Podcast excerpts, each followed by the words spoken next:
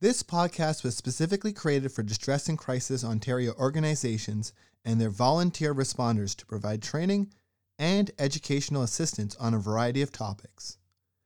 As information evolves and changes, these podcasts are meant to offer ongoing support with the goal of updating them on an ongoing basis.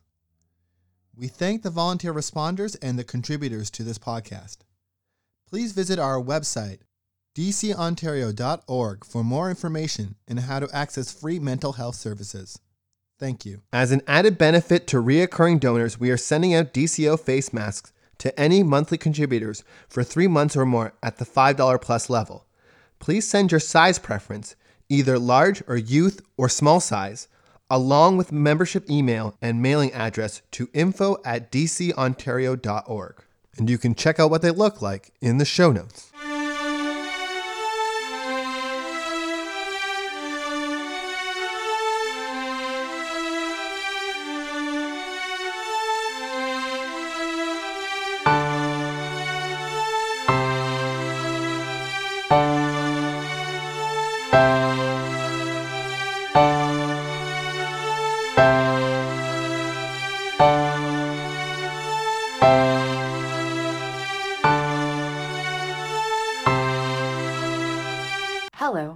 Caitlin Plant, Program Manager for Distress and Crisis Ontario, and this week I am back with some resources surrounding racism and cultural intelligence.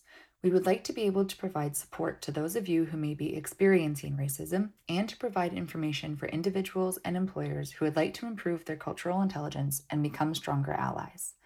To begin with, I will be sharing a variety of reporting tools one of the most important steps to ending racism is reporting hate crimes and other acts of racism so that perpetrators can be caught, patterns can be found, and numbers of incidents can be tracked.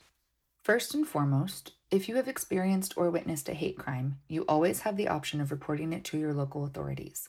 You can call your local police station directly or, in some cases, file your report online.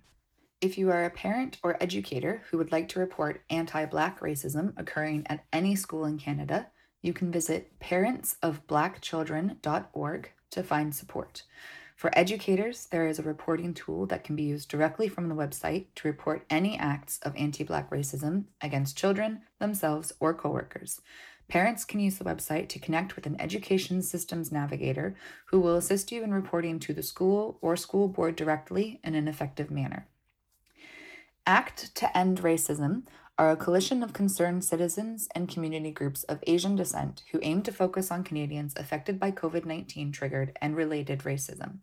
Their webpage includes an anonymous online reporting tool available in many languages that can be accessed at www.act2endracism.ca forward slash racism dash form. Now, in that URL, it's ACT and then the number two, endracism.ca. If you listened to last week's podcast on Islamophobia, you may have already heard about the Coalition of Muslim Women's online reporting tool to report any acts of racism, Islamophobia, or xenophobia in the Waterloo region. It is an anonymous tool for reporting acts of discrimination or hate that have either happened directly to you or that you have witnessed happening to someone else. You can access this reporting tool at reportinghate.ca. If you are a university student in Ontario, you can connect with your Human Rights Department through your school's website to file a complaint against any other member of the university that's students, staff, or faculty. If you believe you have experienced racial discrimination or harassment and wish to bring a case to court, you can file an application with the Human Rights Tribunal of Ontario, or HRTO. The HRTO resolves claims of discrimination and harassment brought under the Human Rights Code in a fair, just, and timely way. The HRTO offers parties the opportunity to settle the dispute through mediation first. If the parties do not agree to mediation or mediation does not resolve the application, the HRTO holds a hearing. To learn more about how to file an application, visit www.tribunalsontario.ca forward slash HRTO. If you have experienced racism or a hate crime and are looking for support, please remember that our member centers and their distress lines exist to support you with whatever needs you may have, including needs related to racism and discrimination. To find the contact information for your closest center, visit www.dcontario.org forward slash locations. We also have some general resources for persons of color and marginalized communities available on our website in the Useful Information section under the Resources tab. The Hands On Collective has an excellent resource list for persons of color living in Canada that includes many national resources and some that are regional. You can find this list at www.handsoncollective.ca forward slash support dash ORGS dash in Canada. Crisis Services Canada also has a useful resources guide for marginalized communities and allies that can be found at www.crisisservicecanada.ca under their resources tab. Ontario 211 is a database that provides quick and easy access to a network of human services across the province and can be used to find resources that are local to you. You can use their search tool at www.211ontario.ca. That's the numbers 211. Or simply call 211 from your phone to be connected with a person who can help you find the resources you need. When it comes to building cultural intelligence and learning how to be an ally, the most important thing you can do is be open to learning from people of marginalized communities and be willing to change your own practices and beliefs if necessary. Luckily, there are many resources available to help us do this. The Ontario Human Rights Commission has a 30 minute interactive e course named Call It Out that offers a foundation for learning about race, racial discrimination, and human rights protections under Ontario's Human Rights Code.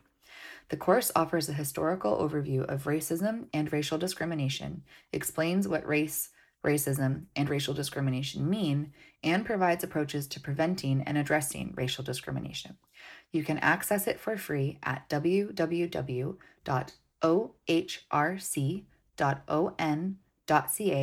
forward slash learning forward slash e learning forward slash call dash it dash out. The Public Service Alliance of Canada has an excellent resource list, including webinars, books, articles, radio clips, and more covering the topic of racism in general and more specific issues like anti Black racism and Indigenous rights. This list can be accessed at psacunion.ca forward slash anti dash racism dash resources. For another great resources list, you can visit Experiences Canada and explore their anti racism resources. Experience Canada are committed to helping young Canadians open their minds, exploring the diversity of language, culture, and lived experiences within our country. The more you scroll through their interactive list, the more you'll find, including supports for marginalized communities, teaching tools, allyship resources, and more. You can find their list at experiencescanada.ca forward slash resources forward slash anti dash racism dash resources. If you would like to find some novels to read that will help expand your cultural intelligence, Bustle has a great article titled 10 Books About Race to Read instead of asking a person of color to explain things to you. Their list covers a wide range of topics and provides a synopsis of each book's.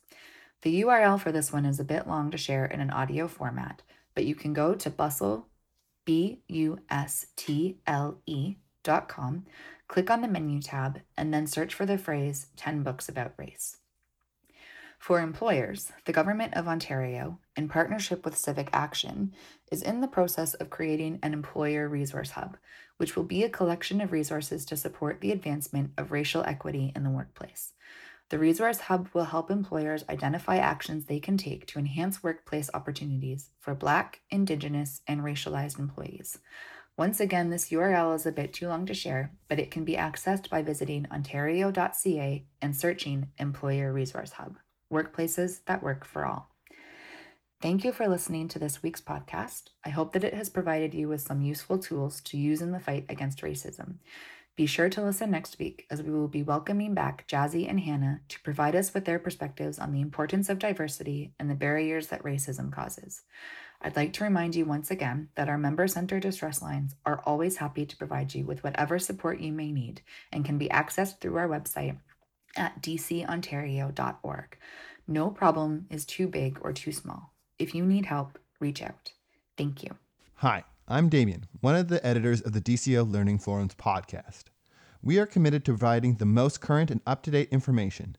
With your help, we can make it better. Please consider going to tips.pinecast.com slash jar slash distress dash and dash crisis dash ontario.com or by clicking the link in the show notes. And by donating, monthly contributors will be able to access a special podcast feed. In it, we'll have additional content and some more in depth pieces on some of our most popular topics. Thank you.